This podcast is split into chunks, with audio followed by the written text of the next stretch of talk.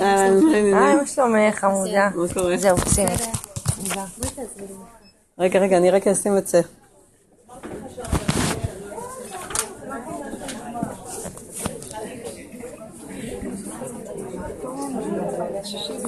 אני לא אוהבת. כי יש בשורשים עשרה שקלים.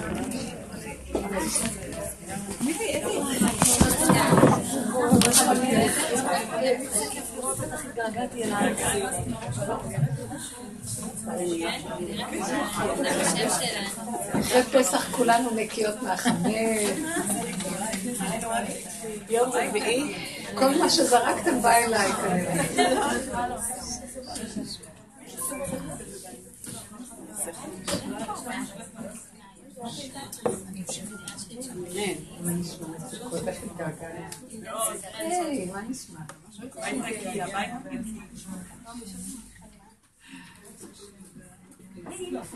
מה חדש? שרה לי. נו, איפה היונה? הלכה? הלכה? היונה. נשארה. שמה. אה, בבית הקודם.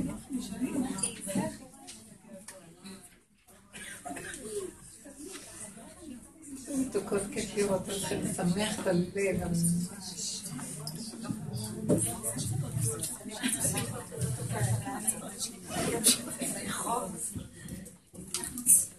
הנה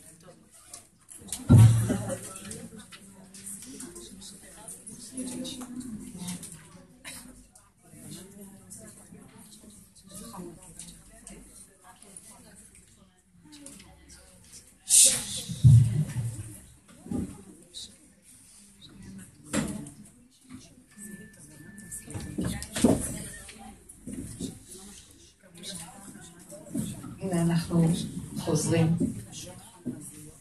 כאילו שהלכנו לאיזה מקום. אבל אה, אנחנו בעיצומם, בתחילתם, בעיצומם של ימי ספירת העומר, שכל התהליך של ספירת העומר וכל העניין שלו, הוא בעצם מסמל את עיקר העבודה שאנחנו עושים. זה התיקון של המידות. למרות שאנחנו לא עובדים ברמה שאנחנו מתקנים משהו, ועצם ההתבוננות שלנו במידות עצמן כל הזמן, כמו שאנחנו עובדים, זה גוף התיקון. זה כמו שעצם שסופרים את העומר, רק לספור חמישים יום, ספרתם לכם, למחרת השבת, מיום אביאכם את העומר, את המופעה, שבע שבתות תלמוד תהיינה, עד מחרת השבת השביעית תספרו חמישים יום. ואז הקרבתם מנחה חדשה להשם. זאת אומרת, עצם זה שאני אומר היום כך וכך לא אומר, היום זה וזה, זה בעצם התיקון של המידות עצמן. וזה מאוד מקביל למה שאנחנו עושים. שמתם לב איך אנחנו עובדים? אנחנו לא עובדים על עצמנו, אנחנו עובדים על ההתבוננות וההכרה, ואנחנו פותחים את הפה ומדברים. זה העשייה, עיקר העשייה, אין כוחנו אלא בפה. הדיבור, ההתבוננות, הפירוק. אנחנו מפרקים את הדמיון. אנחנו מפרקים המידות הרעות שורשן בדמיון. אין מידות רעות, יש דמיון רע. עצם ההתבוננות התמידית בעצמנו ובתהלוכת החיים, מה אנחנו רואים? שהשני הוא רק סיבה לראות את עצמי. שהשני, הכוונה, המחש... אפילו המחשבה ביני לביני, זה השני שמראה לי מי אני, מחשבה שבאה לי של פחד, אז אני רואה עכשיו איך אני טיפוס שנתון לחרדה תמידית. או אם זה שני באמת, הבן זוג, או הילד, או בן אדם אחר, חברה. אז אני רואה את עצמי, עיקר העבודה שלנו במושכל היסודי הראשוני, זה אין לי טענה על אף אחד. למרות שהשני יכול להיות לא צודק, אני לא מחפש את הצדק. בעבודה שלנו אנחנו מחפשים את האמת. מה האמת? זה נקרא תיקון המידות. להודות ולהתוודות שזה מציאותי. השני רק היה סיבה לעורר ולהעלות את מה שנמצא בתוך החושך של עצמי. מידות רעות שמקוננות, לא מידות דמיונות, פסיכולוגיות רעות בתוך הנפש. אין תיקון מידות, אין כזה דבר. לעולם אי אפשר לתקן את המידות. אפשר להכיר את השורשים שלהם ולדבר עם השם. ומי שאמר לשמן שידלוק, יגיד לחומץ שידלוק. אי אפשר לתקן מידה, בנות. כושי לא יחליף אורו, לא יהפוך אורו, ונמר לא יחליף חברותיו. תמיד כושי יישאר כושי, ונמר יישאר נמר. ואדם עם מידה של כעס יישאר כעס. ואדם עם מידה של קמצנות יישאר קמצנות. עכשיו, אז למה השם ברא אותי קמצנות, אם הוא רוצה שאני אתקן את הקמצנות? הוא לא רוצה שאני אתקן את הקמצנות. גם אם הוא רוצה, אני לא יכולה. השם רוצה, ואני אגיד לכם, וזה נקרא התיקון, וזה יסוד ספירת העומר. מספיק שאני מסתכל ואומר, הקמצנות שאני רואה שיש לי, שלא חשבתי שיש לי, אבל החיים מראים לי שזה אני ולא השני. אני זוכרת שהייתי אומרת לבעלי, הייתי לא אומרת לו, כי היה לי איזה כזה צד של חינוך לכבוד. אז לא הייתי אומרת לו, ותמיד חשדתי שהוא קמצן. מה, אתם לא כאלה? כל הנשים חושבות שהבעלים שלהם קמצנים. בסוף ראיתי שאני הקמצנית הכי גדולה. כשהוא יקנה לי משהו, יקנה את הכי טוב, ואני לא אעז לקנות לעצמי כזה. וכן הלאה. אז ראיתי שבעצם מה שחז"ל אמרו, כל הפוסל במומו פוסל, קל לי להגיד שזה השני. עכשיו, כל העבודה שלי זה, אני לא מחפשת להיות צודקת ולנצח את הוויכוח, אני רוצה להכיר באמת את עצמי. היא, למה אני רוצה להכיר את עצמי? מי רוצה להכיר את השלילה שלו? אבל זה סוד הסודות. למה אני צריך לספור את ספירת העומר לפני מתן תורה? חמישים יום הם עמדו וספרו יום, יום, יום, יום, עד שהגיעו ליום החמישים, ארבעים ותשע. כי אי אפשר לקבל את הגילוי האלוקי בלי לעבור בדרך ההודעה של הלכלוך שלי, כי זה מה שמפריע לי לגלות את השם, הלכלוך שלי. המסכים מבדילים. ואם אני רוצה להכיר את השם, ואני באה להיות מוכן לקבל את האור הגנוז שלו במתן תורה, זה דמיונות. אני לא יכולה לקבל כי סגרתי, כיסיתי על הלכלוך, ואני מחכה בדמיון רוחני שאני אהיה צדיק ואקבל עוד מעט התורה. אומרים לי, חזור לאחוריך, תסתכל מי אתה, תודה באמת. אז זה מביא לי שבירה, מה אני כזה, אני כזה. עכשיו זאת עבודה לקבל, להשלים. ולהיכנע לפני מלכות שמיים, ולהודות ולהגיד, ריבונו של עולם, אתה בראת אותי עם הטבע, אז אתם יודעים כמה עבודות עשיתי על המידות? שום דבר לא משתנה. אבל דבר אחד כן השתנה. מרוב שאני רואה את זה, וקודם כל אני כבר לא אומרת שזה השני, כי יכול להיות שגם השני גרוע, אבל מה, אני צריכה לתקן את השני? אני צריכה להסתכל במומו של השני? לא.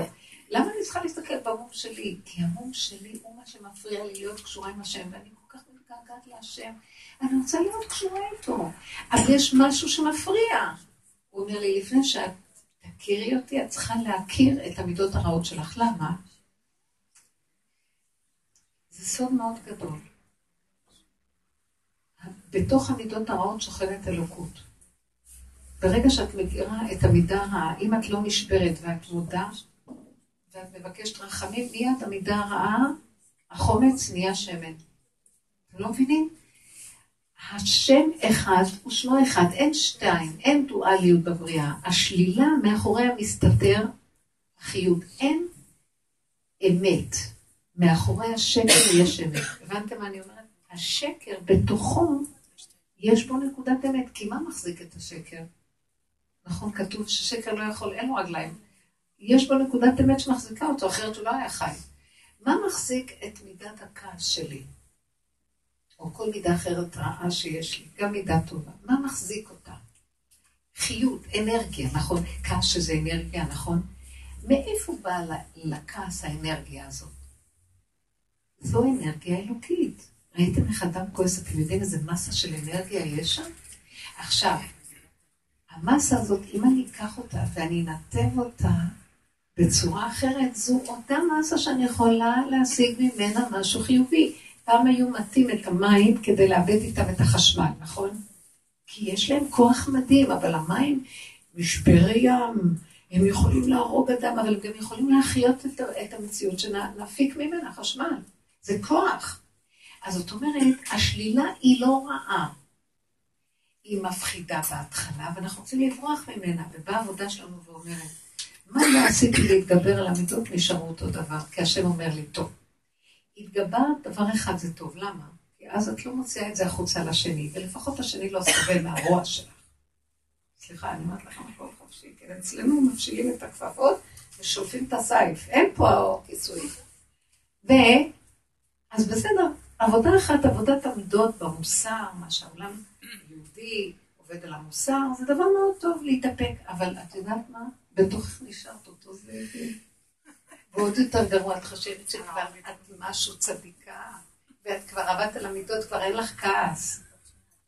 אני רוצה שתשרשי במדרגה יותר גבוהה, כי את גונבת את החלק הראשון שבאמת את לא הולכת על השלילה. למה אני לא מוציאה את הרע שלי על השני?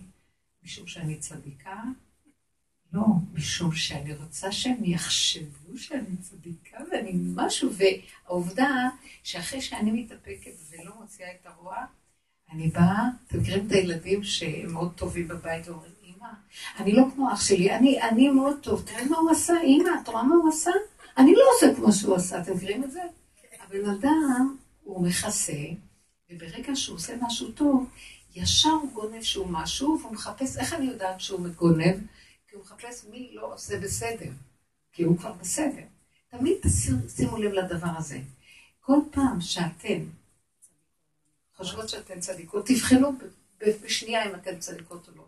מיד אם מישהו עושה משהו רע סביבכם, אתם לא יכולים לסבול אותו. זה סימן שאתן גנובות, שאתן צדיקות. כי הבן אדם צריך באמת להתנהג כלפי חוץ כאילו באמת צדיק, לא, אסור לנו להזיק לזולת. מצד שני, מבפנים הוא צריך לדעת שהוא שור מועד.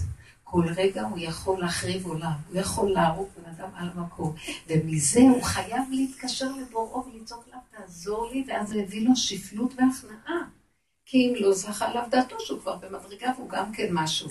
והאדם הזה שעובד על השפלות כי הוא מכיר מי הוא, כאשר בחוץ הוא באמת לא מוציא את זה, שמתם לב? שתי המדרגות האלה. האדם הזה יכולה להתגלות לאלוקות. למה? כי הוא מודה שהוא תקוע. אז הוא תקוע, והוא גם לא מוציא את זה החוצה, כי אם הוא מוציא את הרוע החוצה, הוא מאבד את היהלום, הוא לא יכול כבר להודות בכלום, הוא כולו מיואש כי יוציא את זה החוצה. צריך לאפק את זה, וצריך עדיין בתודעה לדעת שכמה שהוא מאפק והוא לא יורד על השני, אם השם היה שולח לו ניסיון יותר גדול מזה, הוא היה שופך את הכל על כולם. אז רק השם ריחם עליו, זה לא יצא, אבל בפנים הוא תקוע עם כוח שלילה מאוד גדול. עכשיו, תופס את השלילה הזאת, הוא לא מתייאש מזה ואומר להשם, הוא בא להשם ומדבר איתו. וזה הפה, אין כוחנו אלא בפה.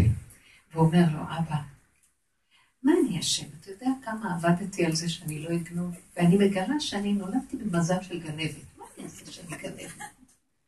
אז עכשיו, איך אתה יכול לדון אותי שאני גנבת? כי אתה בראת לי את התכונה הזאת. מה, אתה דן אותי על מה שבראת אותי? ואם בראת אותי שאני גנבת, והתורה אומרת לי, אז לא תגנוב, לא תגנובו, לא תגנוב זה דיני נפשות ולא תגנובו זה, זה לא לגנוב חומר. ואני רואה משהו וגונב, אז באמת אני עובר על התורה, אבל אני לא גונב, אבל בפנים אני עדיין יודע שאני יכול כל רגע לגנוב. אז התכונה לא משתנה לי, כי כושי לא יפה חורו ונמר חברותיו. אז אם כן, בחוץ אני לא גונב ושומר מה שהתורה אומרת. אבל זה לא שמכאן ואילך שלום עלייך נפשי ואני במדרגה, אני עדיין יודע שיש לי את התכונה שקשה להיפרד ממנה. אז אם אני לא אגנוב ממון זה כבר לא רמה, כי זה דור מלא שפע, אז מי יגנוב עכשיו משהו? את יכולה בקלות להשיג הכול. אבל אני אגנוב כבוד, ואני כל כך רוצה שכולם ידעו שאני משהו ואני אשחק אותה שאני משהו. אני, אני אגיד בדיחה שמישהו אמר, ואני אגיד את זה כאילו זה אני אמרתי, בכלל לא, אני לא אגיד, כל האומר דבר בשם אומרו מביא גאולה לא אומר, אני לא אגיד שזה הוא אמר, ואז אני גונבת, אני אגנוב באלף צורות. אני גונבת קבוע. אם הבן אדם מתוודה ככה לפני בורו, ואז אני אומר לו, אז מה אני אשם? איך אתה יכול לדון אותי שאני כזה? אתה יכול לדון אותי אם בגופי תורה, אם באמת הוצאתי את זה לפועל וגנבתי. אז יש חוק, יחזיר את הגניבה וישלם חמישי. אבל אני לא גנבתי בחוץ, ועדיין נשארתי גנב. אז אם כן, זה שאני מדבר אליך, הגניבה הזאת שיש בתוכי, הכוח, הפוטנציאל של אפשרות לגנוב, זה זה הפוטנציאל שלי להיות קשור איתך. ואז תראו, זה דבר מאוד מעניין, אתם לא קולטות את הדרך העמוקה שאנחנו עובדים בה. נמצא שכל אחד נולד בטבע שהכי מתאים לו, והכי טוב שנולד בו, רק מה, אם הוא יפנה את זה להשם ולא לבחוץ. אז ברור שאנחנו כבר לא מפנים את זה בחוץ, אבל בפנים אנחנו לא מפנים להשם, אנחנו עושים חצי עבודה. אנחנו לא גונבים בחוץ, אבל בפנים נשארנו, גנבנו את עצמנו שאנחנו צדיקים ואנחנו, מה זה כבר נהדרים. אתם לא מבינים, כל אלה שנמצאים בבתי סוהר וזה, הם באמת לא חשבו לגנוב. הם חשבו שהם צדיקים, וזה קרה להם פתאום, הם לא שמו לב. זו סכנה מאוד גדולה היום. אז אנחנו צריכים לדעת שתדיר יש לנו סכנה, והסכנה הזאת זה הדיבור עם השם, לתפוס את המידה, או כל המידות. אני אומרת, כל המידות כולן. אני, למשל, בעבודות של פסח אמרתי לו, אתה רואה, ריבונו של עולם, שפחה נולדתי ושפחה נשאר, זה לא יעזור שום דבר. אתה יודע מה ריבונו של עולם? קח את השפחה הזאת ותעשה אותה שהיא תהיה שפחה שלך ולא של העץ באבן. אז התכונה הזאת, בעצם הולדת אותי כדי שאני אהיה שייכת לך. מה אני עושה? לוקחת אותה ואני שייכת לעץ באבן. על זה אני עושה תשובה. אבל אני תמיד אשאר שפחה רבותיי. מה שלא יהיה נשאר. תמיד נישאר עם קנאה. רק הקנאה, בוא נקנא להשם, לא נקנא קנאת איש מרעהו. תמיד נשאר עם יסוד הכעס. גם משה רבנו, עם כל עבודתו הגדולה, הוא היה איש ששלט בו מזל מאדים. אז זה מזל שיכול לגאות עליו הכעס. עכשיו, הכעס שגאה עליו היה לכבוד השם. הוא כינה את כבוד השם. שמעון האמורים, כי הוא רצה להוכיח אותם על דבר השם. הוא לא כעס על מישהו שאמר לו משהו אישי. בסדר, אפילו זה אצל השם אמר לו, אני לא דן אותך שאתה כעסת, אני דן אותך שהכעס היה מופנה אליהם ולא ממך אליי. כי הוא אמר להם, שמעון האמורים, הוא כעס עליהם, הוא הפנה את הכעס באופן ישיר. אז הנקודה הזאת שתמיד הטבע יישאר אצל האדם קיים. והעבודה שלנו, וזה יסוד ספירת העומר, זה להכיר ולהתוודות את זה מול השם. כלומר, לעולם לא נשתנה. אני מבטיחה לכם, בנות, אני אומרת דבר שזה נראה כאילו יהיה, שאדם חושב, הוא משתנה, הוא לא מה שהוא היה פעם. מצד אחד הוא לא מה שהיה פעם, כי הוא מתאפק, הוא כבר לא מוציא החוצה, וגם השם עוזר לו, כי בדרך שאדם רוצה ללך מוליכין אותו. מה הפירוש? עכשיו שהוא מאוד מפחד שלא יצא לו, כי התורה לא מרשה, אז לא יצא לו, השם יעזור לו. אבל זה לא אומר שהתכונה השתנתה. בוא נגיד שכולם ייעלמו ולא יהיה עולם, והוא רק הוא יישאר בעולם, הוא יחזור לגנוב, מה קרה לכם? אף אחד לא רואה. אתם מבינים? הנקודה היא שהוא צריך לקחת את הטבע עצמו ולעשות אותו של השם. פעם באה אליי אישה, שאמרה לי שיש לה אישה, ממש, היא הביאה מותק, אישה טובה, אבל היא אמרה לי, מה לעשות? שיש לה אש מאוד גדולה של אהבה, והיא לא יכולה שלא להסתכל החוצה על אחרים. אני לא רוצה לדבר יותר מדי. אז היא אמרה לי, תראי, אני כל היום נלחמת עם עצמי, אני אישה נשואה, היא אמרה לי, אני כל היום נלחמת עם עצמי. אבל תדעי לך שאני, מה אני אשמה שהשם ברא אותי עם אש כזאת? אז אמרתי לה, איזה כיף לך. משוגעת. אמרתי לה, הלוואי עליי. אז היא אומרת לי, מה את מדברת? את איזה סבל זה? אני הולכת ברחוב, אני בסבל, אני כל הזמן בפחד שאני הולכת לחבק מישהו. אנחנו כאן פתוחות, כן? אז אמרתי לה, לא, את לא מבינה? התכונה שהשם נתן לך, היא אמרה לי אפילו מילה בוטה. היא אמרה לי על עצמה, יש לי מחשבות של ממש, של לא לעניין. אז מה אני אעשה? אמרתי לה, וואי, איזה כיף לך. אמרתי לי, תגידי, את נורמלית? אמרתי לה, לא, תראי. את כל המחשבות האלה, זה מראה שיש לך המון אהבה. רק היא מופנית לטבע ולדמויות, במקום להיות מופנה להשם, הוא ברא אותך עם אהבה והוא רוצה אותך אליו. תגידו לו, אני מתה לך, אני אוהבת אותך. דוד המלך אמר, צם אליך נפשי, קמה לך בשרי הבשר שלי והאם אליך. אתה אלוקה, ואתה לא, אבל אתה יודע שהוא היה מדבר איתו, והשם היה מרגיע לו, מרגיע לו את האש דרך הדיבור. אז נמצא שכל הכוח הזה שהוא נתן לה, אז אמרתי לה, את לא יודעת, אם רק היית לוקחת את זה, בואי, אני אלמד אותך איך עושים את זה, אמרתי לה, וקיוויתי שאני אוכל לגנוב ממנה קצת אש לעבודה שלי. היא כולה אש, כולה אש, כל היום דולקת, אתם לא מבינים, אחת כזה לוקח אותו להשם, זה דוד המלך. כולו היה, עיניים שלו היו מבריקות, יורקות אש מאהבת השם. ולכן גם יש את הסיפור הזה עם בת שבע, היה לו אש. אבל את הכול הוא לקח לכבוד השם, והשם אהב אותו, אמר, כל, כתוב, כל, העולם בראתי לכבודי, יצרתי, בראתי, אף עשיתי. כל מה שיש בעולם זה השם ברא לכבודו, גם את התכונה הזאת הוא ברא. אז מה הטענה לבן אדם? הוא ברא את האדם עם, עם, עם נתונים כאלה ועם תכונות כאלה, אז מה הטענה על אדם שהוא ברא אותו? מישהו בוחר בכלל? אלא הטענה היא, מה עשית עם התכונה? זרקת אותה לסבל, לעץ באבן, או שלקחת אותה ועשית אותה. את צריכה להיות עבד שלי ולא של העצים והאבנים, אומר לי השם.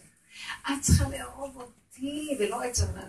אז את יכולה להגיד לו, אבא, וכי אפשר לאהוב אותך, אתה אש אוכלה, אתה לא מציאות, איך אני אוהב אותך? אז אני אומרת לו, אבא, תקרר לי את האש, תאהב אותי, תחבק אותי. אתם יודעים שאם היינו מדברים עם השם, היינו מרגישים ענני כבוד עוטפים אותנו.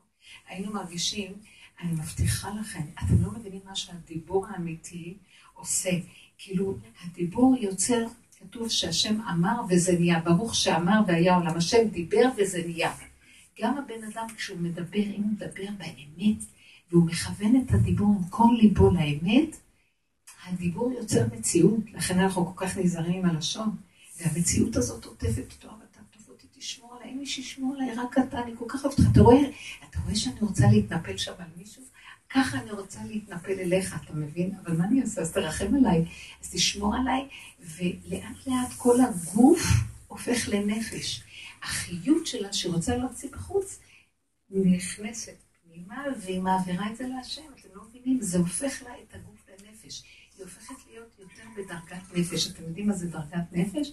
היא לקחה את התכונה, והיא עובדת איתה להשם.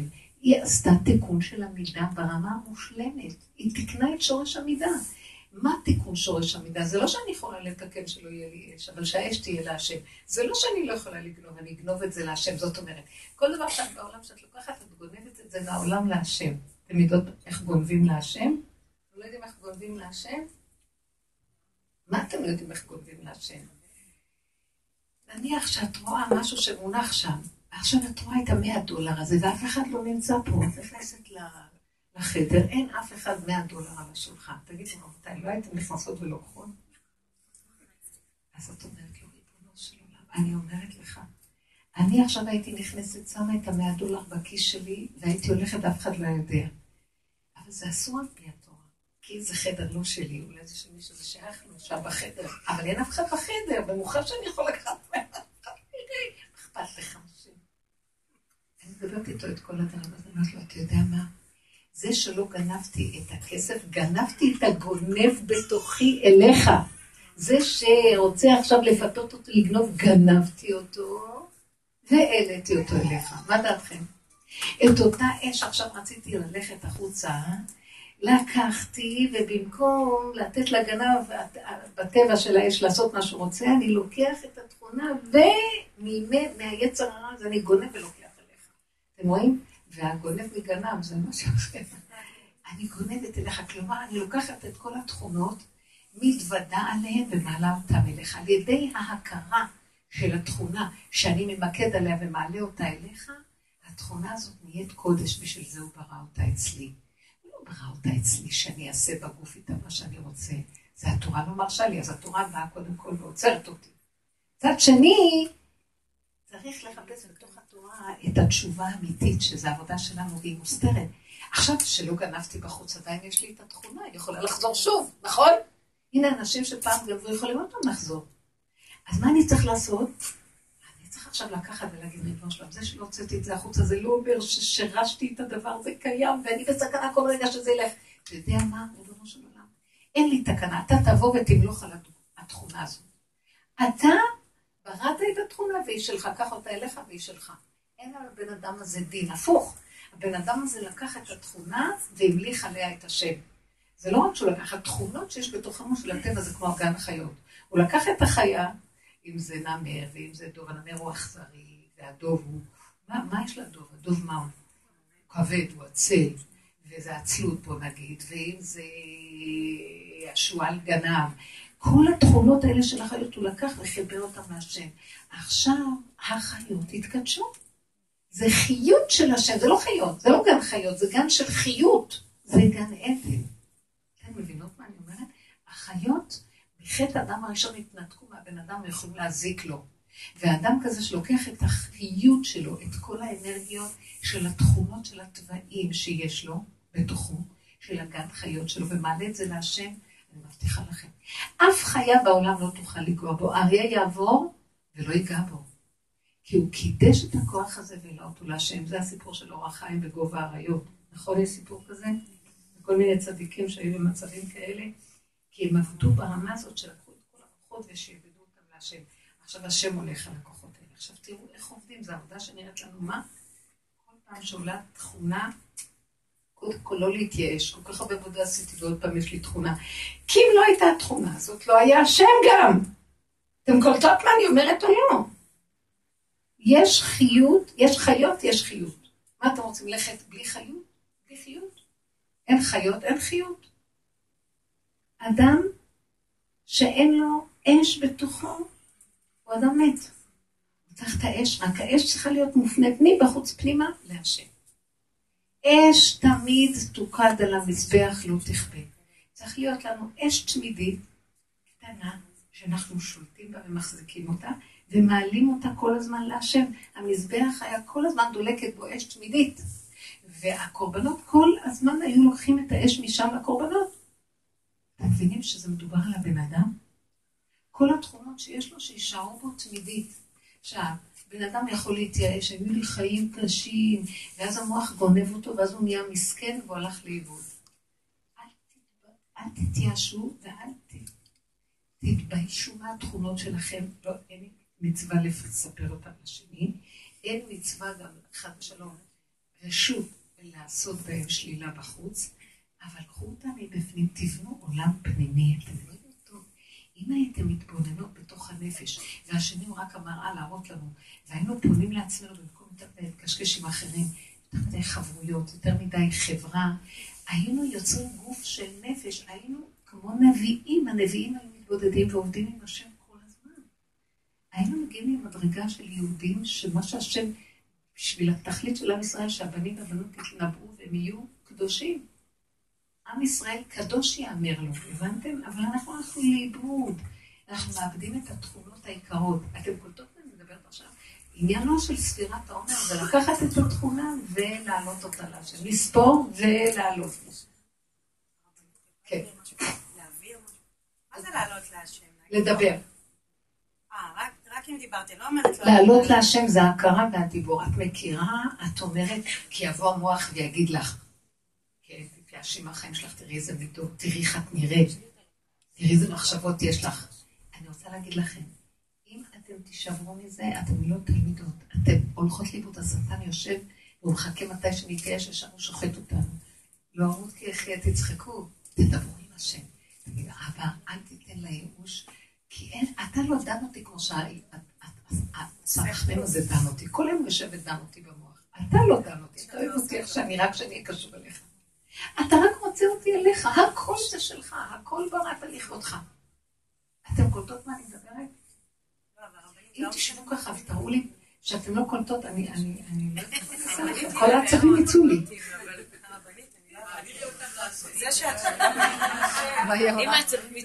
את איך את מעלה את זה להשם? איך את מעלה לשם את הכעס? אני רואה, אני רואה עכשיו ככה.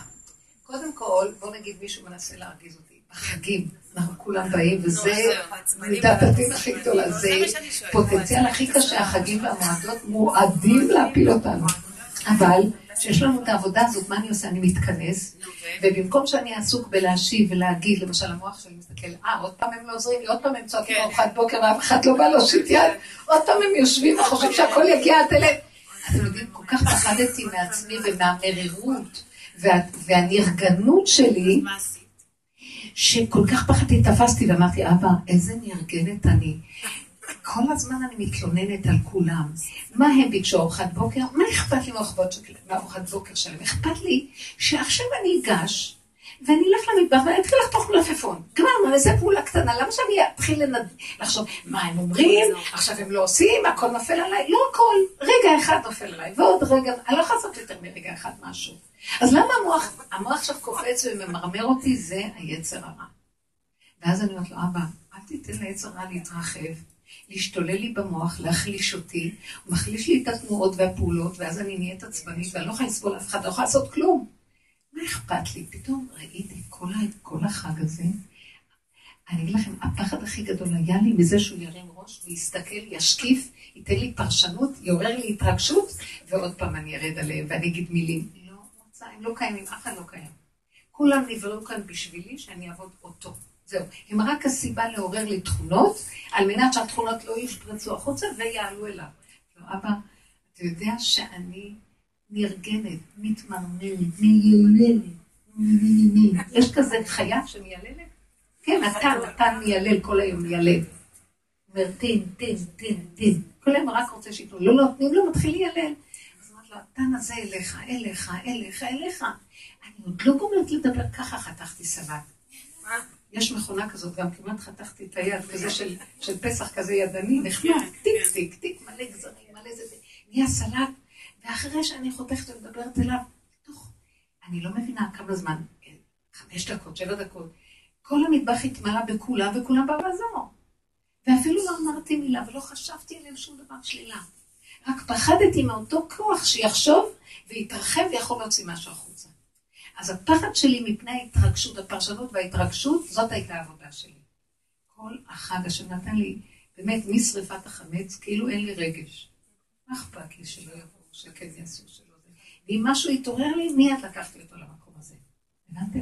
אז זה כאילו, את הכוח של המארגנות, שזה קיים בטבע, כי הבן אדם משקיף וחושב שהיה צריך להיות צדק בממלכה הזאת, זה לא ככה. אין צדק, אין ככה, ככה זה וזהו זה, למה שנתרגז? אני רוצה לחיות עם השם. הרגשתי איך הוא עוטף אותי, אני לא שמה לב לכם, ממש שמר עליי, ופתאום קלטתי שכלום לא שלי, אבל הילדים לא שלי, ארוחת בוקר לא שלי, הבית לא שלי, כלום לא שלי. והכל שלו, שזה מה שהוא רוצה בעולם, למה שאני אתרגז? אם אני מתרגזת, סימן שזה משהו שלי. טיפש, כולם אנחנו מרוגזים, וכלום לא שלנו, שאנחנו מתים, אף אחד לא לוקח איתו כלום, ומלא רוגז ועצבים. מה עזר לנו הרוגז הזה? הבנתם? גם לא הכנסנו את זה בחזרה להשם, גם כשאנחנו מתים, יוצאים מן העולם אחרי מאה ועשרים, אין לנו, אין לנו, במה נבוא להשם? לא הבאנו כלום. אכלנו את הכל פה, בעצבים. הבנתם מה אני מדברת? אתם אה, כנראה עוד לא יצאתם מהפסח, אתם עבדתם קשה נורא. אתם מבינות מה אומרת? העבודה הזאת של המידות בעבודה שלנו היא שונה. עבודת המוסר בטבע הרוחני עובדת על המידות מבחוץ, נכון. לא לפרוס וזה, אבל יש סכנה בעבודת המוסר שהבן אדם יחשוב שהוא כבר שלם, מה זה מדרגות יש לו. העבודה שלנו היא עושה ככה. אנחנו כן צריכים לעשות עבודה להתאפק בחוץ. כי אנחנו מסוכנים, כן. תורה אומרת לנו לא לגנוב, תורה אומרת לי לא להזיק לבן אדם. אבל בתוך הנפש, גם אם אני לא עושה, עדיין יכול להיות שיש לי מחשבות כאלה ויש לי נטיות, הנטיות נשארות, הן לא משתנות. כמו סתימה. זה כמו? סתימה. סתימה, יכול להיות שבחוץ זה לא יצא, אבל בפנים נמצא... אז הכוח הזה שאנחנו עובדים בשיעורים האלה זה לשים את... אנחנו לא עובדים עליו בחוץ בכלל, שמתם לב? אני לא אומרת לכם מה להתלבש ומה לעשות, לא מעניין אותי, תבואו בלי בגדים. אבל כשאתן באות אליי, תבואו בפנים, כשאתן באות אליי, כשאתן באות, כשכולנו באות לדרך פה, נבוא לפני השם ללא כחל וסרק, את כל האמת נגיד לו, בלי חוט אחד מפריד בינינו. ונגיד לו, אבא, איך אומר דוד המלך, אין מתום בבשרי. מה אני מחפש ורואה, אין מקום אחד שאני יכול להגיד שאני בסדר בו. אתם יודעים, את זה השם אהב אצלו. אתם יודעים למה הוא אהב את זה השם? כי הוא עושה את התיקון של אדם הראשון. כי אדם הראשון אכל מעץ הדת, ומיד נהיה לו תוכנה של ויתם כאלוקים, הוא חושב שהוא לפחות כמו אלוקים עוד מעט. ואילו דוד המלך עבד הפוך על הפוך, כל רגע הוא ראה כמה הוא דפוק וכמה הוא הכי פחות מכולם. בדיוק הפוך. זאת אומרת שאכלו תוכנת עץ הדת, מרדו באלוקים, כי הם חושבים שהם אלוקים עוד מעט. ואילו התיקון הוא, אני בכלל לא מתחיל לגרד את השטח, השם הוא השם, ואני רק נברא. וכשהשם רואה בן אדם שמודה באמת, הוא נותן לו את כל האלוקות מתנה. זה הסוד של גילוי האלוקות. איך אנחנו בספירת העומר? הם ספרו חמישים יום. כל יום הם ספרו עוד יותר נמוך, עוד יותר ירדו נמוך, עוד יותר נמוך, עד שהגיעו למלכות ומלכות. יודעים איך הספירה נעשית. מיום שאחרי פסח אנחנו סופרים. החסד שבחסד, הגבורה שבחסד, וכן הלאה, התפארת שבחסד. הולכים ויורדים. אחר כך לוקחים את הגבורה, אחר כך לוקחים את התפארת. הולכים ויורדים. עד שהיום האחרון אנחנו מודים שאנחנו במדרגה של המלכות שבמלכות. הכי למטה שיש בעולם. זאת אומרת, ירדנו לראות את השפלות הכי גדולה שיש לנו, כלום, ריקים. הנה, באנו לפניך ריקים ודלים, אין לנו כלום. כשאדם בא לפני השם ככה, אז הוא אומר לו, בוא, בוא אני אתן לך את התורה. מגיע לך את התורה כי אתה ריק, ואתה כלי מוכן לקבלת התורה. מה זאת אומרת? אתה ריק, מודה שאין לך כלום, מודה שבעצם כל השלילה שקיימת בעולם, לקחת אותה, הודית בה, העלית אותה אליי בדיבור, הסכמת, לא נשברת, ואמרת, מה אני אעשה ריבונו ואני מודה ומתוודה שאם אתה לא תעזור לי, אני לא יכול רגע אחד להחזיק מעמד בחיים האלה. אני שומע כזה דבר, השם אומר, עכשיו אני אומר, אתה תקבל את הטוב. יכול להיות אחד יבוא ויגיד לו, השם, אתה יודע מה, חמישים יום עבדתי על הספירה, אתה יודע מה זה? הלכתי מדרגה לדרגה, איך נהייתי יותר קדוש מכולם. אין קדוש יותר ממני. זה השם אומר, קחו אותו ממני. הוא ואני לא יכולים לדור בכפיפה אחת. בדיוק הפוך, עת דקה ושפל רוח אשכול. השם אומר, זה עיניי בנאמני ארץ לשבת עמדי. ענבי ארץ, שמעתם את הביטוי? הארסיות הפשוטה של ענווה, לא מחזיק מעצמו כלום. ובגובה של השבת, לא בשמיים היא. אחתיות, בפשטות, בהודעה על האמת. וזה היה דוד הוא עשה כזאת עבודה בהתחלה. הוא היה גם כן זכה עליו דעתו, היה צדיק, אמר בחנני ונשני, שיביתי השם, מה לא? חסיד אני. בסוף הוא בא ואמר האמת, טוב לבשרים, תחפש אותי, אוי ואבוי, אין פה שיותר ממנו. ואז השם אמר לו, עכשיו הגעת לתיקון הנכון. אתם מבינים שזה הפוך על הפוך מה שאנחנו עושים פה בכדור הארץ? כל אחד רק מתחרה מתי הוא יהיה יותר גדול מהשני. אפילו הוא חושב שככה הוא נמצא חן בעיני השם. מה דעתכם? אני, אנחנו צריכים לבוא לפני השם ולהגיד לו, אבא, אין אחד, אין יותר גרוע ממני בעולם. כולם יותר טובים, רק אני הכי גרוע, אבל בלי ייאוש. רק להגיד את האמת. כמו שתגיד, אין עיניים יותר חומות מעיניים שלי. זאת אומרת, נתון של אמת. ככה אתה צריך להגיד, בלי אחיזה רגשית. השם שומע את זה, אומר, זה יש לו אמת, מאחורי הדבר הזה שנראה כביכול שלילי, אני מסתובב ושם יהיה האור הכי גדול. זאת אומרת שאם אנחנו רוצים לחפש את האמת, תחפשו את השקר הכי גדול, תעמדו שם, קבלו, תשלימו, מיד זה נהפך לאור. כי יתרון האור הבא מנחש. שמעתם מה אני אומרת לכם? עכשיו, אם אני אומרת את היסוד הזה, למה שאני אהיה בייאוש משום דבר? כי אתם לא מבינים שכל הצרות שמביא לנו, וכל הכאבים, וכל הניסיונות, הכל בשביל להודות, לעמוד בנקודה ולהגיד, נכון, אבא, רק אתה יכול לעזור, ולא להישבר בכלל. בני אדם נשברים, כי אנחנו דפוסים בתוכנית של להתן כאלוקים, וזה לא נאה לנו להיות במדרגות השפלות האלה. הפוך על הפוך, תהיו בשפלות הכי גדולה, תודו בה, אל תישברו ממנה ותצחקו גם. שם יש את האור הכי אמרתי מה שאמרתי, אתם מבינים אותי? תדעו לכם שזה סוד הכי גדול, ואנחנו הולכים לקראת הסוד הזה. עכשיו אני רוצה להגיד לכם משהו, שאני מרגישה שההיגיון הולך ונופל. תוהו ובוהו הולך לכסות את הארץ, השכל כבר לא יעבוד. אני ממש מרגישה את זה. אני מרגישה שאין, אין זה, השכל לא יעבוד יותר, ואסור לנו להשתמש בו. אם בחג באתי רגע להשתמש בשכל שלי כדי להצטדק עם עצמי, או למצוא איזה משהו, ראיתי ש... אני מסתבכת, ונהיה לי מועקה ורגש וסערה, אמרתי, כלום, כלום, לא מבינה, לא יודעת, לא שומעת, לא רואה, לא כלום, ככה זה, אז ככה זה. הם לא באים עכשיו למטבח, נגיד דוגמה, לא באים למטבח. זהו, זאת עובדה. למה, ומה הם חושבים להם, והם כאלה, לא, כלום, כלום, כלום. אם אני אכנס בהיגיון, זה כמו עכשיו מתחילה להיות מערבולת מאוד גדולה בעולם. בזמן המערבולת, אם אדם יפתח את הראש ויסתכל מה הוא יעשה, הוא לא יוכל להישרד. הוא צריך להשתמש בחושים, לסגור את המוח, לא לתת לרגש, ולהסתובב עם מרוכז. וזה יציל אותו. אז עכשיו אנחנו נכנסים למקום הזה. אז אני אומרת לכם כבר עכשיו, אל תתרגשו משום דבר שקורה לכם. תקבלו ותשלימו. מה דעתכם לא להתרגש. לא לפרש את זה שלילה, גם לא חיוב, כלום, ככה תגידו, ככה זה. מה את אומרת, עליזה? עליזה היא חיובית. מה את אומרת? אני שואלת אם, נגיד, להשתדל להימנע מלעשות דברים שלא צריך. מה זה להשתדל להימנע? אסור לעשות מה שלא צריך. לא, מה שצריך, אני שואלת את עצמי אם צריך. נגיד אה, לעשות, נגיד לעבוד יותר מדי, אוקיי? זה בטוח. נגיד. זה עבודה זרה ממש. ברור, ברור. כל יום שבת, ושבת תהיה שבת שבתון. אנחנו בנים של השם. מה זה ככה? אבל אם נגיד עבדנו, אז מה להגיד? השם לא הצליח לי עוד פעם, אני משתעבדת? לא, אז תגידי לו, כמו שאני אמרתי, אבא, אני לעולם לא אצא מזה, רק אתה יודע מה, מאחר ואני רואה את התכונה הזאת שרוצה שלמות, ואין לה עבדים, אז היא העבד של עצמה, אז תמלוך בדבר הזה ואתה תיגע אותי, כאילו זה לא שלי, זה שלך. אז אני לא מרגישה את המאמץ. אבל נגיד אדם כן... לא לבקר את עצמנו. כי אני הבנתי... כי אני הבנתי לא לעשות... תגידי לי, את שואלת שאלה להמשיך? את יכולה לא להמשיך? לא. כפייתית, את רוצה להמשיך.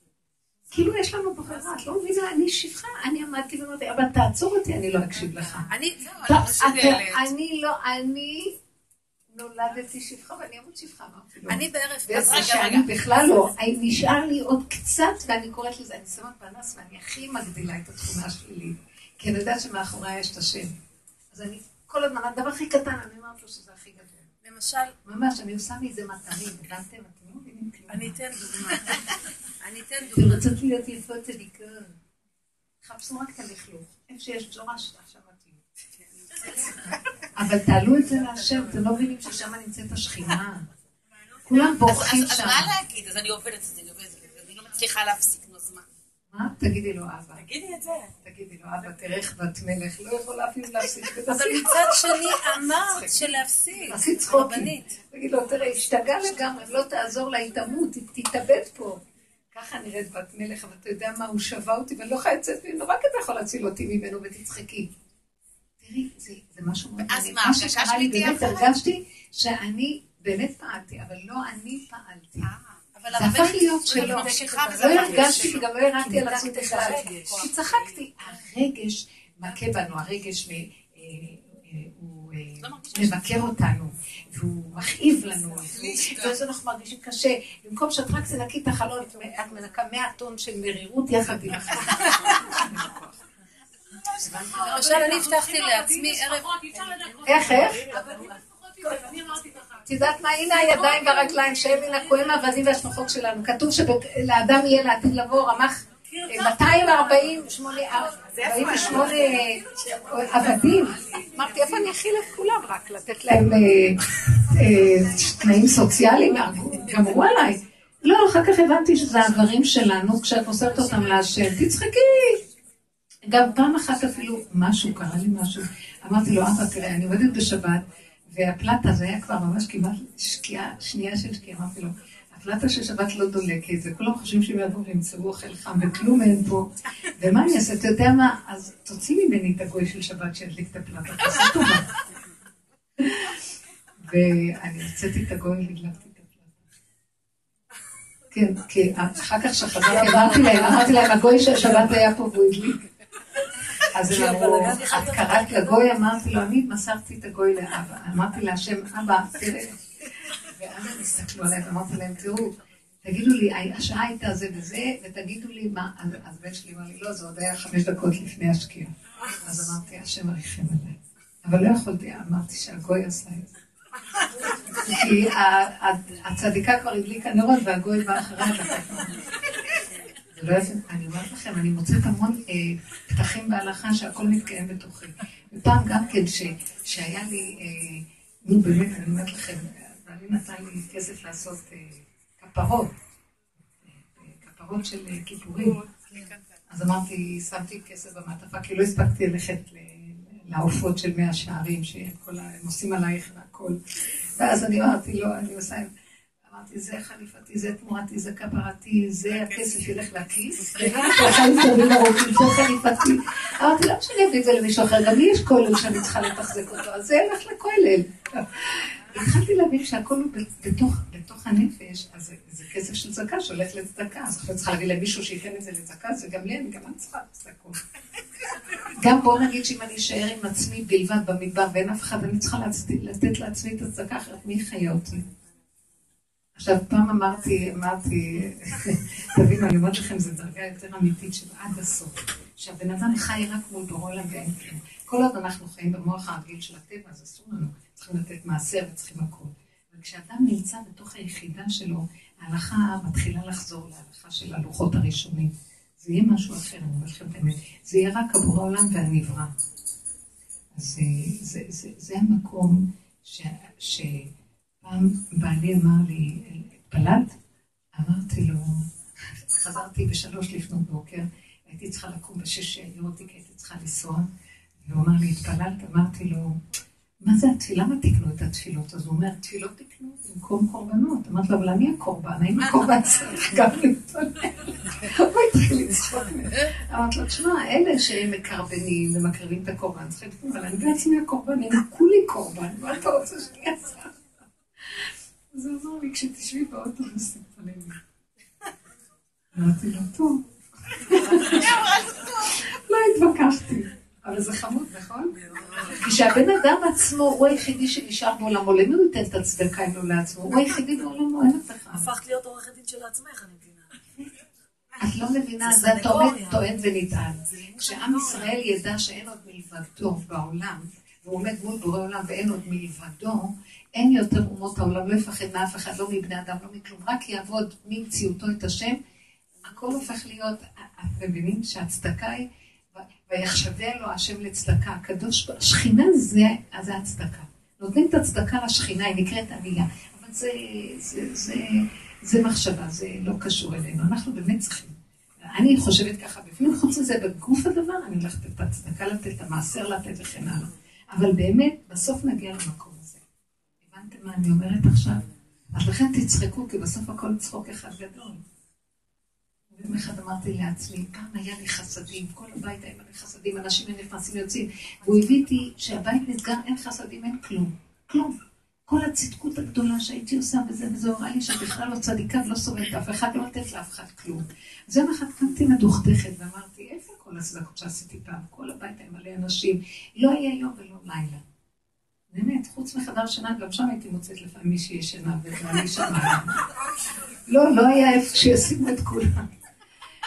בסוף אמרתי לו, אמרתי לו, ריבונו של עולם, קמתי בבוקר מדוכדכת, אמרתי, פעם הייתי עושה חסדים, לא היה בוקר, קמתי, ישר רצה לאנשים עושה לי, הילדים היו צדקות לילדים הקטנים, הם גדלו, הכל, אין מה.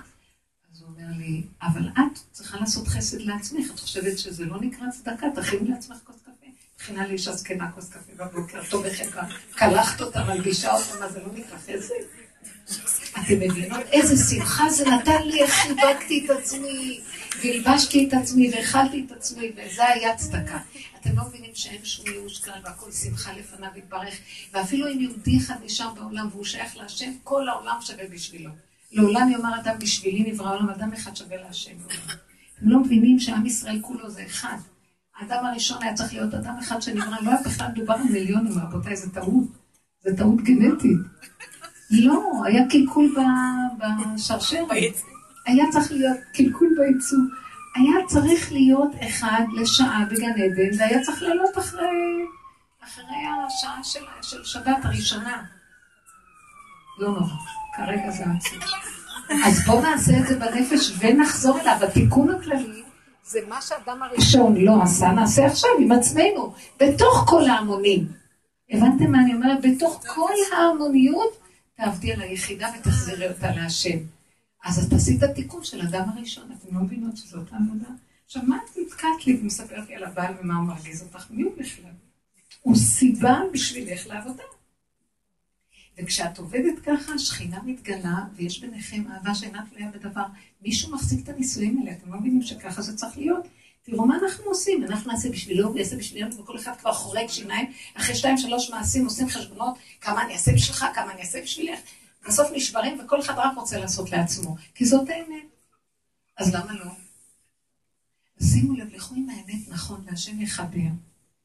גדלו את הילדים, השם מגדל אותם. תעבדו, השם נותן צדקה ממך. חושבת שאת נותנת צדקה? השם נתן לך את התכונות, זה בשבילו, תתני את זה לא. אתם לא מבינים שהכל זהו עוד מלבדו? בואו נמליך אותו, זה נקרא גילוי מלכות השם, שהכל, הכל, הכל, הכל, הכל זהו. גם השלילה הזו, הכל זהו. כי אם את לוקחת את השלילה ומפרידה אותה, אז את מגשימה אותה, היא כבר נהיית רע. אם את לוקחת אותה ומפנימה אותה ומעלה אותה אליו בדיבור והכרה, זה נהיה שלו, את מחזירה את הרע להשם, העלית את הניצוץ. הכל שלו. זה כל סוד ספירת העומר. לקחת את השלילה ולהעלות אותה, תיקון המידות. מה ש-24 אלף תלמידים של רבי עקיבא לא עשו. וזה העניין, שמה זאת עושה, ואהבת לרעך כמוך, זה היסוד שתאהבי את עצמך עכשיו ותקבלי את הכל ותעלי את זה לשם. את אוהבת את, הרע, את הרע שלך. ואהבת לרעך, את הרע שלך תעלי להשם, ואל תפחדי. מה האדם עושה, הוא נשבר, ואז זה יצא, שובר אותו, זהו. לא תפסת תיקון הנכון. לא להתייאש ולא רק לעלות ולעלות. מה שלא יקרה בעולם, אל תישברו מכלום. אחרי רגע תגידי, זה רק סיבה לחזור אליו. זה סיבה ללמד אותי איך אני נראית, אבל גם שאני לא אשבר מזה, זה כדי להחזיר את הכל אליו. כל המהלך הזה זה לתקן, התיקון הוא לא בתיקון שאפשר לתקן, זה לקחת את השקר שעשינו את העולם הזה מדי שלנו והגשמנו אותו, שאנחנו הבעלות שלו, ולהחזיר את הבעלות להשם. זה הכל שלא יתברך. מי שלו, והנשימה שלי שלו, והחיות שלי שלו, והכל שלו, וכל מה שהוא ברא, הוא ברא לכבודו ואין עוד מלבדו, בפועל ממש. ואף אחד לא רואה את זה, ואת עובדת באמת, ואת והוא יודעים זהו זה. אתם יודעים, זה דבר מוסתר אמיתי. היהודים ככה צריכים להתהלך בעולם, לעשות עבודה שקטה, וכל העולם מתקן בזכות זה. במקום זה אנחנו הולכים וטופחים אנשים, אין כמונו, אנחנו הכי צדיקים, אנחנו על סגולה, ואנחנו ואנחנו, וגם אנחנו לא עושים את זה רק מול הגויים, גם אחד מול השני, למה לא? ואז השם בגלות, ואין תיקון נכון. הבנתם? וזה התיקון של תקופת הספירה, מתקן את הדבר הזה. כן.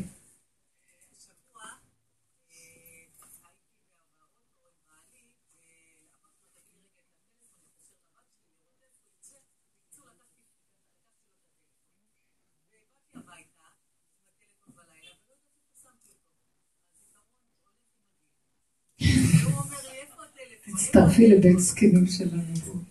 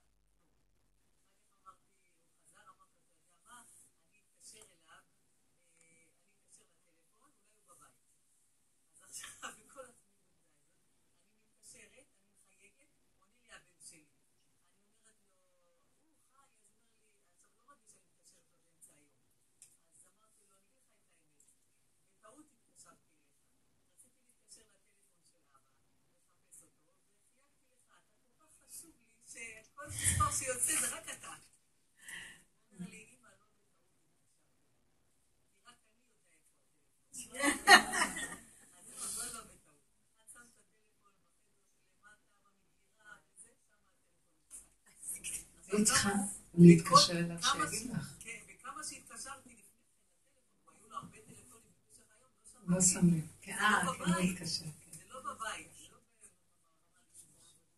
לא את רואה, יש יד משגיחה ומכוונת, הכל בתכלית. ברוך השם. ברוך השם, הכל לטובה, את רואה? ברוך השם. דברים כאלה, אז את רואה את ההשגחה בעצם, נכון? מה מכל הסיפור? לא זה שהלך לאיבוד הזה, איך התקשרת אליו, זה לא היה טעות בכלל.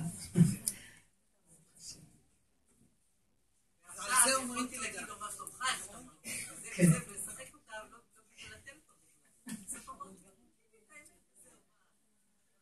איזה גנבים אנחנו. לא תגידו עוד משהו. אני רציתי לשתף. כן. הבטחתי לעצמי שבערב פסח אני לא עובדת קשה מדי. קשה, תודה. ובכלל, לא, לא עובדת קשה מדי. נכון.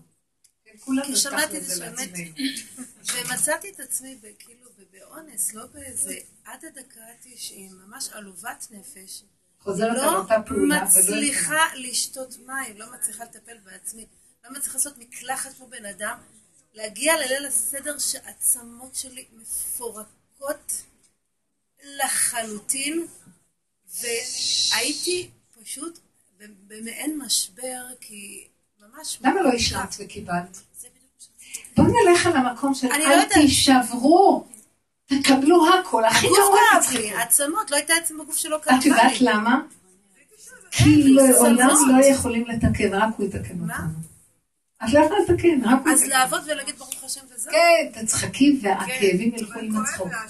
המריבות שלך יצרה את העייפות שלך. אמרתי, אתה רוצה ככה, שיהיה ככה, אבל הייתה לי מעין מרירות שדיברתי להשם, אמרתי לו, אבא, ברוך אתה אדוני אלוהינו ולכם שהכל יהיה בדור. אמן. אמרתי, אבא, לפני שאני נכנסת לעבודות, כי אני התארגנתי באופן כזה שאני לא אצטרך לעבוד קשה, אבל לא יודעת, כמו מבול כזה. קרה, כן, לא נורא. קרה, מה נעשה? אבל אמרתי לו ככה, כאילו, לא, לא קרא לזה חוצה, אני חושבת שאמרתי לו, אבא, עוד פעם פסח, עוד פעם סדר, עוד פעם תבטיח לנו להיגאל, עוד פעם לצאת ממצרים, כאילו עוד פעם ארבע כוסות, עוד פעם לשנה הבאה בירושלים, ואחר כך לחזור, אבל אין דבר, תצחקו, הצחוק הביא את הגאולה, ואחר כך לחזור לאותה גלות, וכאילו כל, תפסה לי, תפס לי, ההבדל זה המרירות, המרירות זה הגלות. אבל המרירות הזאת הפניתי אותה לשם, לא כלפי עצמי. אני כאילו צעקתי עליו. אחר כך אמרתי לו, בשביעי של פסח, אמרתי לו, בשביעי של פסח לא אומרים הלל אה, שלם, כי בניי טובים בים ואתם אומרים שירה. אמרתי לו, ריבונו של עולם, בניי זה לא המצרים שטובים, זה אנחנו, שאנחנו טובים בים של העולם הזה, ולכן לא שייך להגיד הלל גמור, וכי אנחנו עוד לא ניגענו. כאילו, מה? חזרנו על אותו סיפור, כאילו אותו מצרים. עוד פעם אותו זה. את לוקחת ברצינות את החיים האלה. אבל אני מדברת עם השם. אבל כשאת צוחקת, הוא צוחק איתך, כשאת עצובה הוא עצוב איתך. השם צריך על יד ימינך. אבל רגע, לא לדבר איתו את זה? תדברי איתו את הכאבים, ודאי כבר עשינו הרבה, עכשיו תתחילי לעשות צחוקים. תגידי לו, את לא מבינה. יש כאן סוד מאוד גדול. כשאנחנו נשברים, השכינה איתנו נשברת. מה שאנחנו עושים היא איתנו, השם צילך. אז בואו ניקח את הסוד ונתחיל לצחוק, גם היא תצחק. אה, זה, לצחוק נגיד לה כן, אנחנו אומרים לה מה לעשות. אתם יודעים שהמפתחות בידינו להקים את השכינה.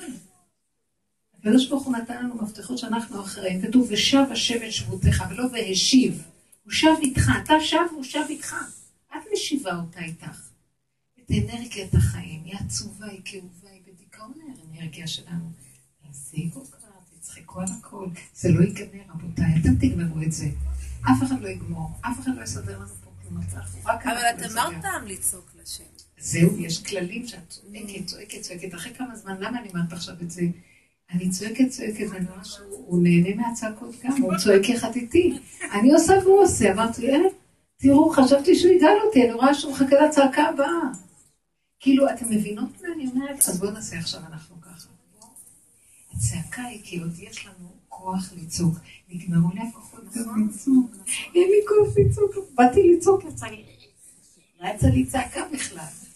אז הבנתי שאמרתי, די, אפילו צעקה אין לי, ריבונו שלנו, אתה יודע מה? אני לא תקבל צעקה, בוא נצחק.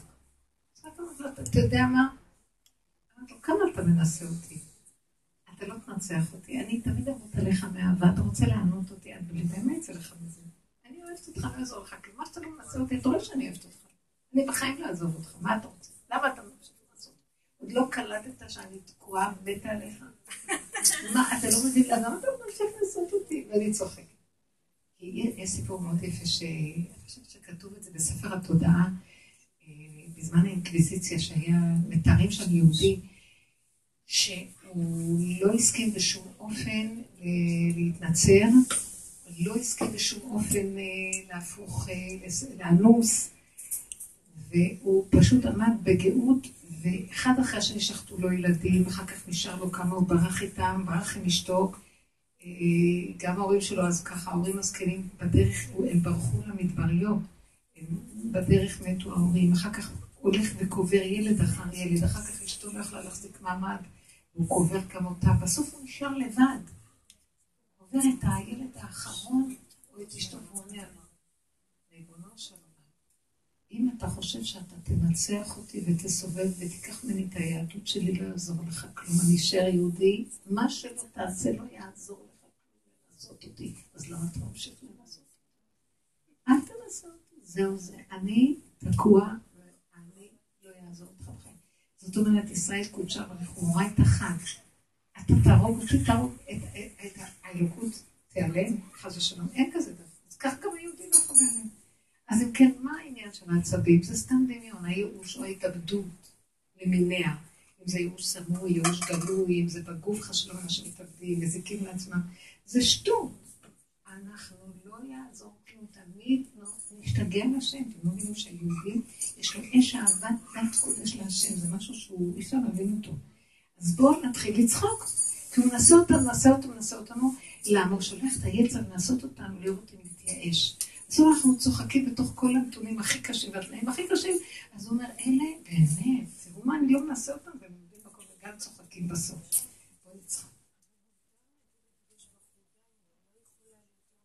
את יכולה להגיד, אבל אני אומרת לך, את יכולה להגיד לו, אני לא יכולה בניסיונות. ברגע שאת ממורמרת, סימן שאת עוד יכולה. כי ברגע שאת צוחקת, הבנתם מה אני מדברת? לא, לא, לא. כי אם את עוד ממורמרת, זאת אומרת שאת... את מחכה מישהו אחר שיבוא ויפגע בך כדי להתמרמר עליו.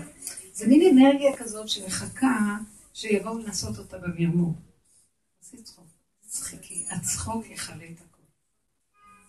תעשי צחוק, הכוונה שהיצר כבר אין לו, איך לפתות אותך, כי את צוחקת לו בפנים, הוא אומר לך, את משוגעת? אז תגידי לו, נכון.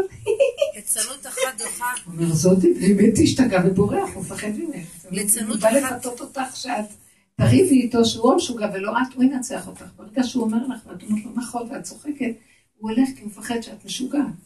אומרים שהוא מלך זקן וכסיל, הבנתם? זה על אותו עיקרון של ליצנות אחת דוחה אלף תוכחות. ממש. אז אולי פה ליצנות אחת דוחה גם אלף ניסיונות. נכון, נכון, בדיוק הפוך. בדיוק הפוך, כן, ליצנות אחת דוחה אלף תוכחות. ממש ככה, תפסיקי, אין, אין כבר כוח לשום דבר. כל הדורות עבדנו, ניצחנו את כל הכוחות. הדור האחרון פשוט קחי את הכל בקלות. את אישה, אני, אני אומרת, היה אה, בספר פרי הארץ של רבי מנחם מני מביטס, מצייר שם ציור, שאם אדם בא, ונדמה לי שזה או פרשת המרגלים או פרשת כוח, אומר, אדם הרג, והוא מוציא את הסכין והסכין נוטפת. ובאותו רגע שהסכין נוטפת דם, הוא מסתכל ואומר, אבל לא יכולתי אחרת, הוא מודה באמת, לא יכולתי להתגבר על עצמי, והוא אומר את זה מול השם, לוקח את התכונה הנוראית הזו, והוא מעלה אותה בווידוי דברים להשם באמת, הוא אומר שבאותו רגע נמחק כל הרציחה. כי הוא לקח את כל זה, והוא רואה את האמת, במקום להישבר, במקום להרוג את עצמו מייאוש, במקום להצדיק, הוא אומר, זה בגלל שהשני עשה כך וכך, אלא מודה באמת, הוא אומר, אבל לא יכולתי אחרת, פותחים לו את כל השערים. זה ציור כזה. עכשיו פה תיקחו את המרגלים. המרגלים אמרו דבר של אמת. הם באו לארץ ישראל, והם אמרו שזה ארץ קשה, ארץ שמקברת כל הזמן מתים. תגידו, אנחנו לא מקברים כל היום פה מתים, מה אתם מבלבלים? מה אתם מתייפייפים מול המרגלים? הם אמרו דבר של אמת. ארץ שיש כאן אנשים קשים. הארץ הזאת היא קשה. היא ארץ טובה, אבל גם יש בה קושי בטבע שלה מאוד חזק, על מנת שניקח את הטבע ונעלה אותו להשם, והשם יתגלה בטבע. מי יכול כאן לשלוט בטבעים של ארץ ישראל? אף אחד לא הצליח לכבוש את ארץ ישראל לנצח. כי היא קשה בטבע שלה. לכן רק ארץ ישראל שייכת להשם ולא לאף אחד. הוא אומר, ארץ ישראל שייכת לי, לא לכם. ואני נותן לכם ברצוני, או אם לא, אני אתן אותה לאומות, אבל היא שייכת להשם. כי רק השם יכול לתקן אותה. אז עכשיו באו המרגלים ואמרו דבר של אמת, זה ארץ שמקבלת את יושבי, יש פה אנשי מידות, אנשים קשים ואכזריים ורעים, בקלות יכולים להרוג אותנו, פה תמיד יהיה מריבות, והם הביאו מורך בליבו של העם. אז בעצם, למה דנו אותם? הם אמרו דבר של אמת, והשם אוהב אמת, נכון? אבל הם אמרו את האמת לאנשים ולא להשם. אתם מבינים? הם היו צריכים להגיד להשם, ריבונו שלם, זה ארץ, מי יכול לעבוד פה? אנחנו שרידי חרב, באנו עכשיו מעבדות של 200 שנה. ואתה רוצה שנהיה בני חורים? אנחנו רואים כאן אנשים שיכולים לשעבד אותם בשנייה שאני, מה שעשיתי לפרעה אני אעשה גם אני אעבוד אותם במקום אני אעבוד אותך. אז אתה יודע, אם אתה לא תתגלה עליי ולא תעזור לי, אני אומר לך, אני לא אוכל לעמוד בניסיון הזה, תהיה איתי ואל תעזוב אותי. הם לא קראו מספיק בשם השם. הם לקחו את הטבע והמליכו את הטבע. הפחידו את כולם בנתונים הטבעיים שהיו פה. במקום לקחת את הנתונים האלה ולהגיד, נכון, הנתונים קשים, אבל אתה יכול רק אתה יכול לקחת אותה ולהפוך אותה. מה הם היו צריכים להגיד לעם ישראל? הם היו צריכים לבוא ולהגיד מה שאמר יהושע וכלב. יהושע וכלב אפילו לא אמרו ככה, כי הם אמרו, מאחר והם הלכו ואמרו דיבת הארץ, אז הם אמרו טובה הארץ מאוד מאוד, אבל הם היו צריכים להגיד ככה. תשמעו, האמת, קשה פה, אבל אתם חושבים שהשם מביא אותנו אדרבה. אם זו ארץ של השם, אם היה פה קל, אז זה בכלל לא היה נראה, אם היה פה שווייץ, זה לא היה נראה ניכר שזה של השם. זה ארץ הכי קשה בעולם. ורק השם יכול לכבוש לנו אותה ולתת לנו אותה, כי מי יכול בכלל להנהיג אותה פה? זה מראה שהיא באמת הנהגה אלוקית פה. כי אם זה היה קל, זה לא נחשב הנהגה אלוקית, כי אני גם יכול להתגבר על הכל. לכן הארץ הזאת שייכת רק להשם, ואת זה הם צריכים להגיד, אבל אל, אל תפחדו, זה ארץ המובטחת לעבוד על ידי השם, וזה השלטון של השם פה. וכשהם רצו מלך פה, אז כעס עליהם, אתם רוצים מלך ככל האומות, אבל השם, שמואל אומר להם, השם הוא האלוקים שלנו, שאנחנו צריכים מלך בכלל. אז הם רצו ככל הגויים מלך, לא חשוב. אבל באמת, בסופו של דבר, ההנהגה כאן היא הנהגה אלוקית, ומאחר ואנחנו הלכנו בהנהגת הטבע, לכן על זה נענשנו. כי לא השכלנו להבין, איך אומר השם למשה, עד מתי ינעצוני העם הזה? כמה אני מראה להם ניסים ונפלאות, והם הולכים על הטבע. כי הבן אדם הוא חלש, הטבע מתגבר עליו, והעבודה הזאת שאנחנו עושים, זו עבודה של התשובה הכי גדולה של דור המדבר, דור מלכת ישראל, כל הדורות. הכל רגע לזכור שהכל זה רק של השם, הכל זה של השם. גם הרע הכי גדול, גם הוא הביא את זה כי הוא רוצה את זה אליו, ורק הוא יכול לעזור לנו. הכל של השם, הכל של השם, הכל של השם. אם זה טוב, אם זה רע, כלום לא שלנו, ואם נלך ככה, הוא יציל אותנו, יחזיק אותנו, וזה מה שהוא רוצה מאיתנו, להעביר את הכל אליו. והוא ימלוך בהכל, זו ארץ שלו, והמלכות שלו רוצה להתגלות על הארץ שלו. מה אנחנו עושים? נשברים, או שאנחנו הצדיקים שיודעים לכבוש את כולם, ואנחנו בצבא הגנה והכל, או שאנחנו שבורים ומפחדים מהצל של החיים. אז איפה השם? הבנתם? זה בדיוק אותו דבר בהנהגה הפרטית שלנו במידור. מה, אל תשברי מאף אחד, וגם אל תתגאי על אף אחד, רק תקחי את הכל להשם, מה כבר ביקשתי ממך? מה השם לוקח השואל מעמך? כי אם ליראה את השם, לראות אותו כל הזמן ולהמליך אותו כל דבר. אם נתחיל לעבוד ככה, אני אומרת לכם, הכל ייראה גמדי. הילדים ירגיזו, זה כבר לא ייראה, הרגש ייפול, החרדות ייפלו, כבר לא יהיה משמעות לכלום, כי השם יתגלה ויחזיק את העולם וינהיג אותו, אתם לא מבינים, אנשים לא יסבלו, כי השם יתגלה ויחזיק אותנו. ואם החיסרון של אדם שהוא לא מצליח לראות? הוא לא צריך לראות את השם, הוא צריך לדבר. ההכרה הזאת צריכה לדבר אותה, לדבר אותה עד שהיא מתחילה להתגלות, הדיבור גורם שאת ממש מרגישה שיש על ידך משהו ששובר אותך. את גם רואה בהשגחה, תראי, לי זה סיפור, הסיפור של השגחה. את רואה אותו כל הזמן מתגלה, תאמינו בו. תתעקשו. הפוך, דווקא כשיש את השלילה הכי גדולה, לא להישבר, לצחוק. השם נמצא שם עוד יותר מאשר כשזה בטוב. עוד יותר זה השם. הבנתם? מה אנשים עושים? נשברים. כולם אנחנו רצים אחרי החיובי, שהחיובי והחיובי. אנחנו מאוימים מהשלילה, טיפשים. השלילה יש בהשם יותר. אתם לא מבינים?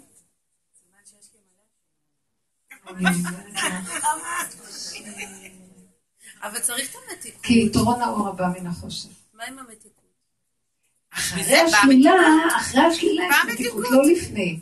בחיובי זה לא נקרא מתיקות, זה דמיון. זה דבר מובן מאליו. אני מפסידה את הזמן. כן, כן, כן. מה השעה? רבע לג. כן.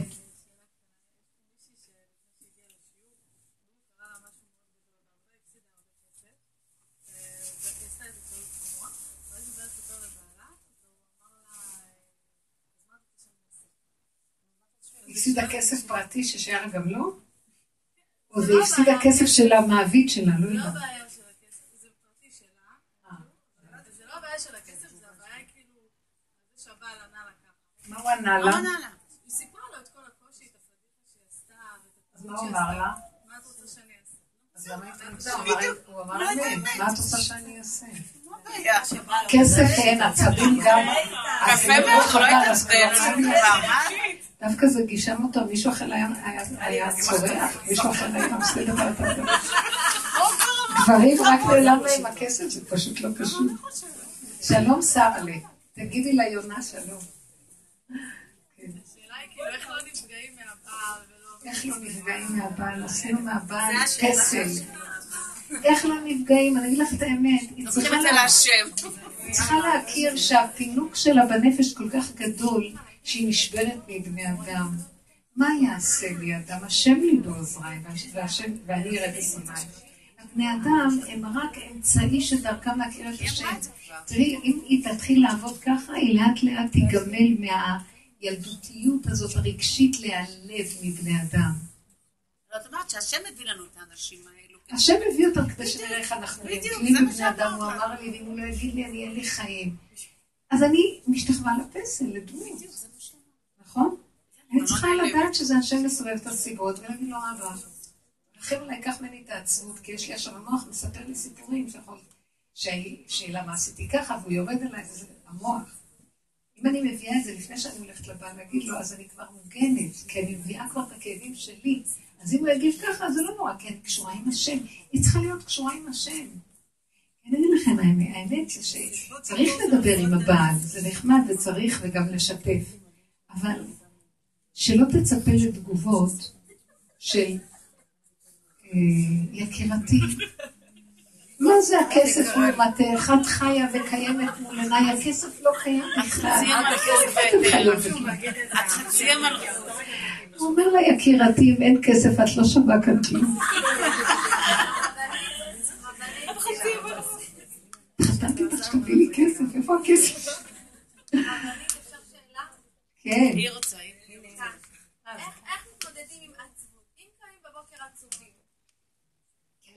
לישון עצובה. לא, מה לך לישון עצובה? לא, עוד בוקר ועוד בוקר ועוד בוקר. כאילו, היא מרגישה שאין לה... את אומרת קריאת שמע בלילה? כשאת אומרת קריאת שמע, את אומרת, ריבונו של עולם, אין עולם, אין אף אחד, אין, יש רק את הדעת, תעטוף אותי, תן לי מתיקות איתך, שאני הכי מתוקה בעולם, אל תיתן לי לישון עצובה. אני אומרת לו, אתה, אני מבקשת ממך, שתיתן לי להיות, תפנק אותי בשינה במתיקות כזאת, אל תיתן לי לישון בעצמות, תדעו לכם שאני מבקשת על זה. אני מבקשת על זה, ואני רואה איך הוא ממש ממנה, מרחם עליי ומבלה את בקשתי. אם אני קצת עצובה, אני לא אלך לישון עד שאני לא אוכל עוגה טובה, ואני לא אעשה משהו שישמח אותי. לא מוכנה לישון עצובה. זה לא טוב. לא ללכת לישון מתוך מחשבות. תקומי, תשחררי את המחשבות, תשמעי מוזיקה, תעשי משהו, דברי עם השם. אל תלכי לישון. אני אומרת לו, תעטוף אותי במתיקות ככה, אני רוצה לישון כמו תינוק בחיכה של האימא. אני לא מוכנה לישון מתוך עצמות.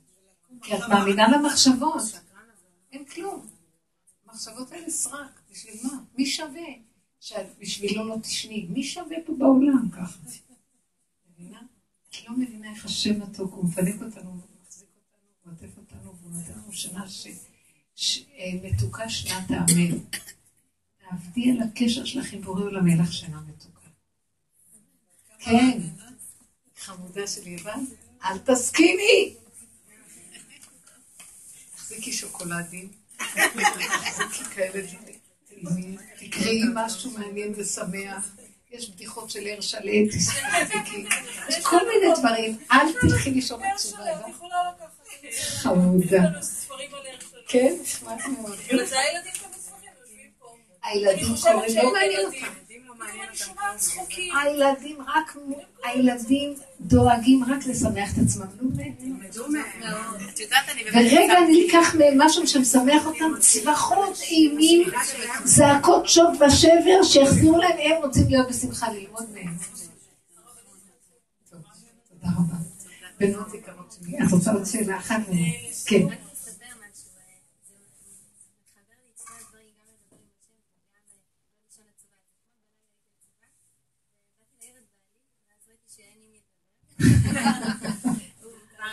שמעתי אותך בשיעורים, ואז הרגשתי כאילו משהו מאוד מבלבל ומאוד עצוב, אז הלכתי למרפסת והתחלתי להתפלל שהשם יהיה לי את הדרך.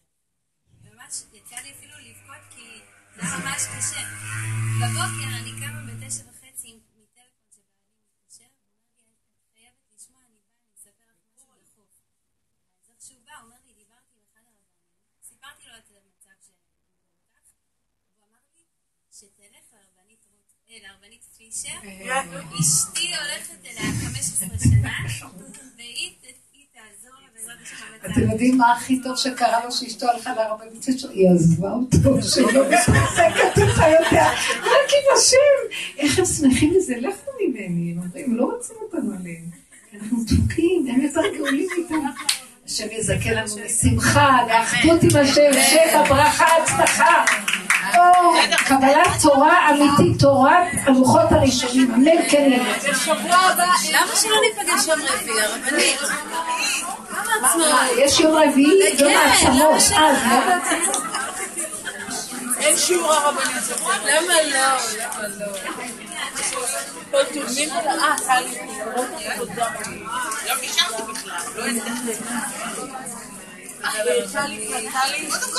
אני מזמינה לך? כן.